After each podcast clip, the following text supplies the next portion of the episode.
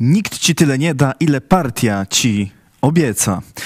Sobota to był dzień konwencji, kongresów i obietnic. Zobaczmy, czym partie chcą przekonać polskich wyborców, by ruszyli do urn.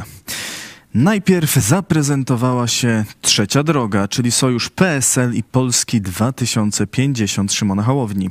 Kongres miał tytuł Gospodarka do przodu. Trzecia Droga chce w czasie jednej kadencji zapewnić chociażby milion mieszkań. jest na pierwszym miejscu we wszystkich rozmowach, które toczymy. We wszystkich rozmowach. Dalej praca, ale najpierw jest mieszkanie. Bo jak nie ma mieszkania, to nie ma dzieci. Jak nie ma, jak nie ma dzieci, to nie ma później składek emerytalnych, to nie ma przyszłości kraju. Ponadto niższe podatki dla rodzin z dziećmi na zasadzie im więcej dzieci, tym mniejszy podatek dochodowy. Kolejna obietnica to przywrócenie handlowych niedziel, ale tylko dwóch w miesiącu. Dopłaty dla akademików, dla studentów i inwestycje w zieloną energię, które mają być motorem spadku inflacji. W jaki sposób? A w taki. My, trzecia droga, zajmiemy się tematem zielonej energii w pierwszej kolejności. Jeżeli nie będzie. Jeżeli nie będzie taniej zielonej energii, to nie będzie spadku inflacji, to nie będzie inwestycji, to nie będzie niższych rachunków naszych domowych. Musimy to wreszcie zrobić, uwalniając środki z Krajowego Planu Odbudowy, tworząc realny system doprowadzając do tego, że ja będę mógł kupić lokalnie prąd od farmy wiatrowej czy słonecznej elektrowni, która jak w innych krajach Unii Europejskiej, choćby na Litwie, wejść do internetu i kupić prąd od tej elektrowni czy innej farmy tak łatwo, jak robi się dziś zakupy w internecie. Szymon Hołownia dodał, że Polska musi być krajem napędzanym nie ruskim, mongolskim czy kolumbijskim węglem, a polskim wiatrem i polskim słońcem. Następna była lewica, nowa lewica z konwencją Dobra praca dla dobrego życia i hasłem Uczciwa praca musi popłacać. Na konwencji lewicy wystąpił czarodziej. To ja wasz czarodziej. Marzeniem wielu ludzi było to, żeby był ośmiogodzinny dzień pracy. I zdarzyło się to. Czy on jest w Polsce realizowany? Polacy rocznie pracują 1830 godzin. W Niemczech 481 godzin mniej. W Anglii 333 godziny mniej. I chciałem zgłosić pierwszy mocny postulat polskiej lewicy. 35-godzinny tydzień pracy. Zaczniemy od skrócenia czasu o dwie godziny w tygodniu, potem o pięć. To są marzenia czarodzieja z lewicy. To Włodzimierz Czarzasty. Tak jak słyszeliście, jedna z propozycji lewicy to 35-godzinny tydzień pracy, a do tego 35-dniowy urlop. Ponadto lewica chce dopilnować terminowego wypłacania wynagrodzeń. Za każdy dzień opóźnienia pracodawca miałby dodawać do wynagrodzenia 0,5%. Jako żelazny warunek współrządzenia lewica podała 20% podwyżki w budżetówce. Kolejne postulaty to zwiększenie nakładów na edukację, ułatwienie organizowania związków zawodowych i zakaz bezpłatnych staży. Lewica chce określenia minimalnej stawki godzinowej dla stażystów. Prawo i Sprawiedliwość.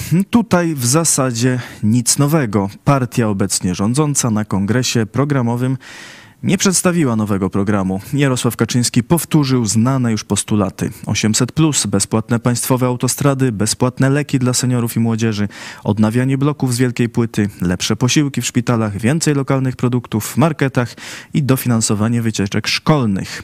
Kaczyński dorzucił jeszcze jeden postulat emerytury stażowe.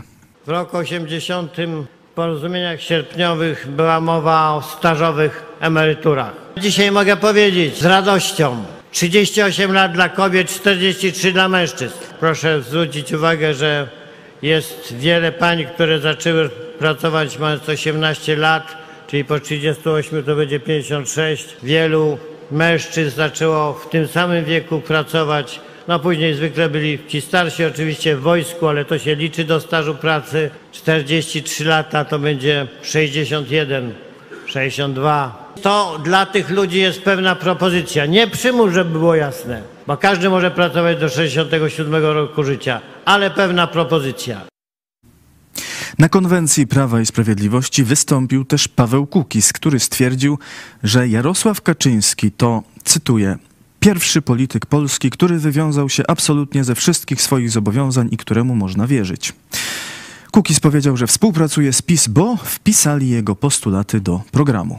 Obecnie wpisano do programu Zjednoczonej Prawicy, do programu Prawa i Sprawiedliwości, jak już wspomniałem, sędziów pokoju wybieranych bezpośrednio przez obywateli, zmianę ordynacji wyborczej 230 posłów wybieranych bezpośrednio przez obywateli, 230 posłów przez partie polityczne. To jest sprawa kapitalna, kluczowa, która zmienia logikę państwa. Państwo staje się państwem obywatelskim. Oprócz tego mamy dzień referendalny w połowie kadencji w samorządach, gdzie obywatele bezpośrednio będą zadawać pytania i bezpośrednio oczekiwać na to odpowiedzi i w ten sposób zmuszać włodarzy, y, pięciu, którzy mają pięcioletnią kadencję, do pilnowania swoich obietnic wyborczych. Deglomeracja Polski i parę innych rzeczy. Zniesienie immunitetów posłom, senatorom. Jestem tutaj z wami, ponieważ te zmiany zostały wpisane do programu Zjednoczonej Prawicy, do programu y, Prawa i Sprawiedliwości. Koalicja Obywatelska rzuciła sporą bombę, bo 100 postulatów, jak to nazwali, 100 konkretów na 100 dni, bo twierdzą, że zrealizują je w ciągu pierwszych 100 dni rządów, jeśli oczywiście wygrają wybory. No jest tam chyba wszystko, na przykład podniesienie kwoty wolnej od podatku. Mówimy tu o kwocie wolnej od podatku podniesionej do 60 tysięcy złotych. W Polsce każda emerytka, każdy emeryt, który ma emeryturę do 5 tysięcy złotych, nie będzie już płacił podatku dochodowego. A ci, którzy mają emerytury wyższe, zapłacą ten podatek, ale w o wiele mniejszej skali. Każdy, kto zarabia do 6 tysięcy złotych, nie będzie już płacił podatku dochodowego. A ten, kto zarabia powyżej 6 tysięcy złotych, będzie płacił wyraźnie niższy niż dzisiaj podatek od dochodów. Poza tym e, likwidacja funduszu kościelnego, dopłaty do wynajmu mieszkań dla młodych, kredyt 0% na pierwsze mieszkanie, zamrożenie cen gazu, zniesienie szpitalnych limitów NFZ, utworzenie Ministerstwa Przemysłu z siedzibą na Śląsku, zniesienie zakazu handlu w niedzielę, powrót do ryczałtowej składki zdrowotnej, podniesienie płacy nauczycieli o 30%, finansowanie in vitro, legalizacja aborcji do 12 tygodnia ciąży, wycofanie ze szkół przedmiotu. HIT, i jeszcze wiele innych obietnic. A ile by to kosztowało? Forum Obywatelskiego Rozwoju prowadzi na portalu many.pl licznik obietnic wyborczych. Jak na razie najdrożej wypadają obietnice bezpartyjnych samorządowców 227 miliardów złotych. Następna jest Lewica prawie 217 miliardów złotych. Trzecia Konfederacja ponad 182 miliardy. Dalej PiS 157 miliardów. Trzecia droga 126 miliardów. I mimo wielości postulatów ostatnia jest Koalicja Obywatelska 120 miliardów złotych. Wybory 15 października. Dziękuję Wam za uwagę. Polecam dzisiejszy program Idź Pod Prąd na żywo z Bartkiem Pankowiakiem. Wygrałem z księdzem na naszym kanale YouTube. Zachęcam do subskrypcji kanału, komentowania i polubiania. A dziś o 18 w telewizji Idź Pod Prąd przebrała się miarka ambasador Niemiec. Dzwoni do Jarka. Zapraszam. Dziękuję. Do zobaczenia.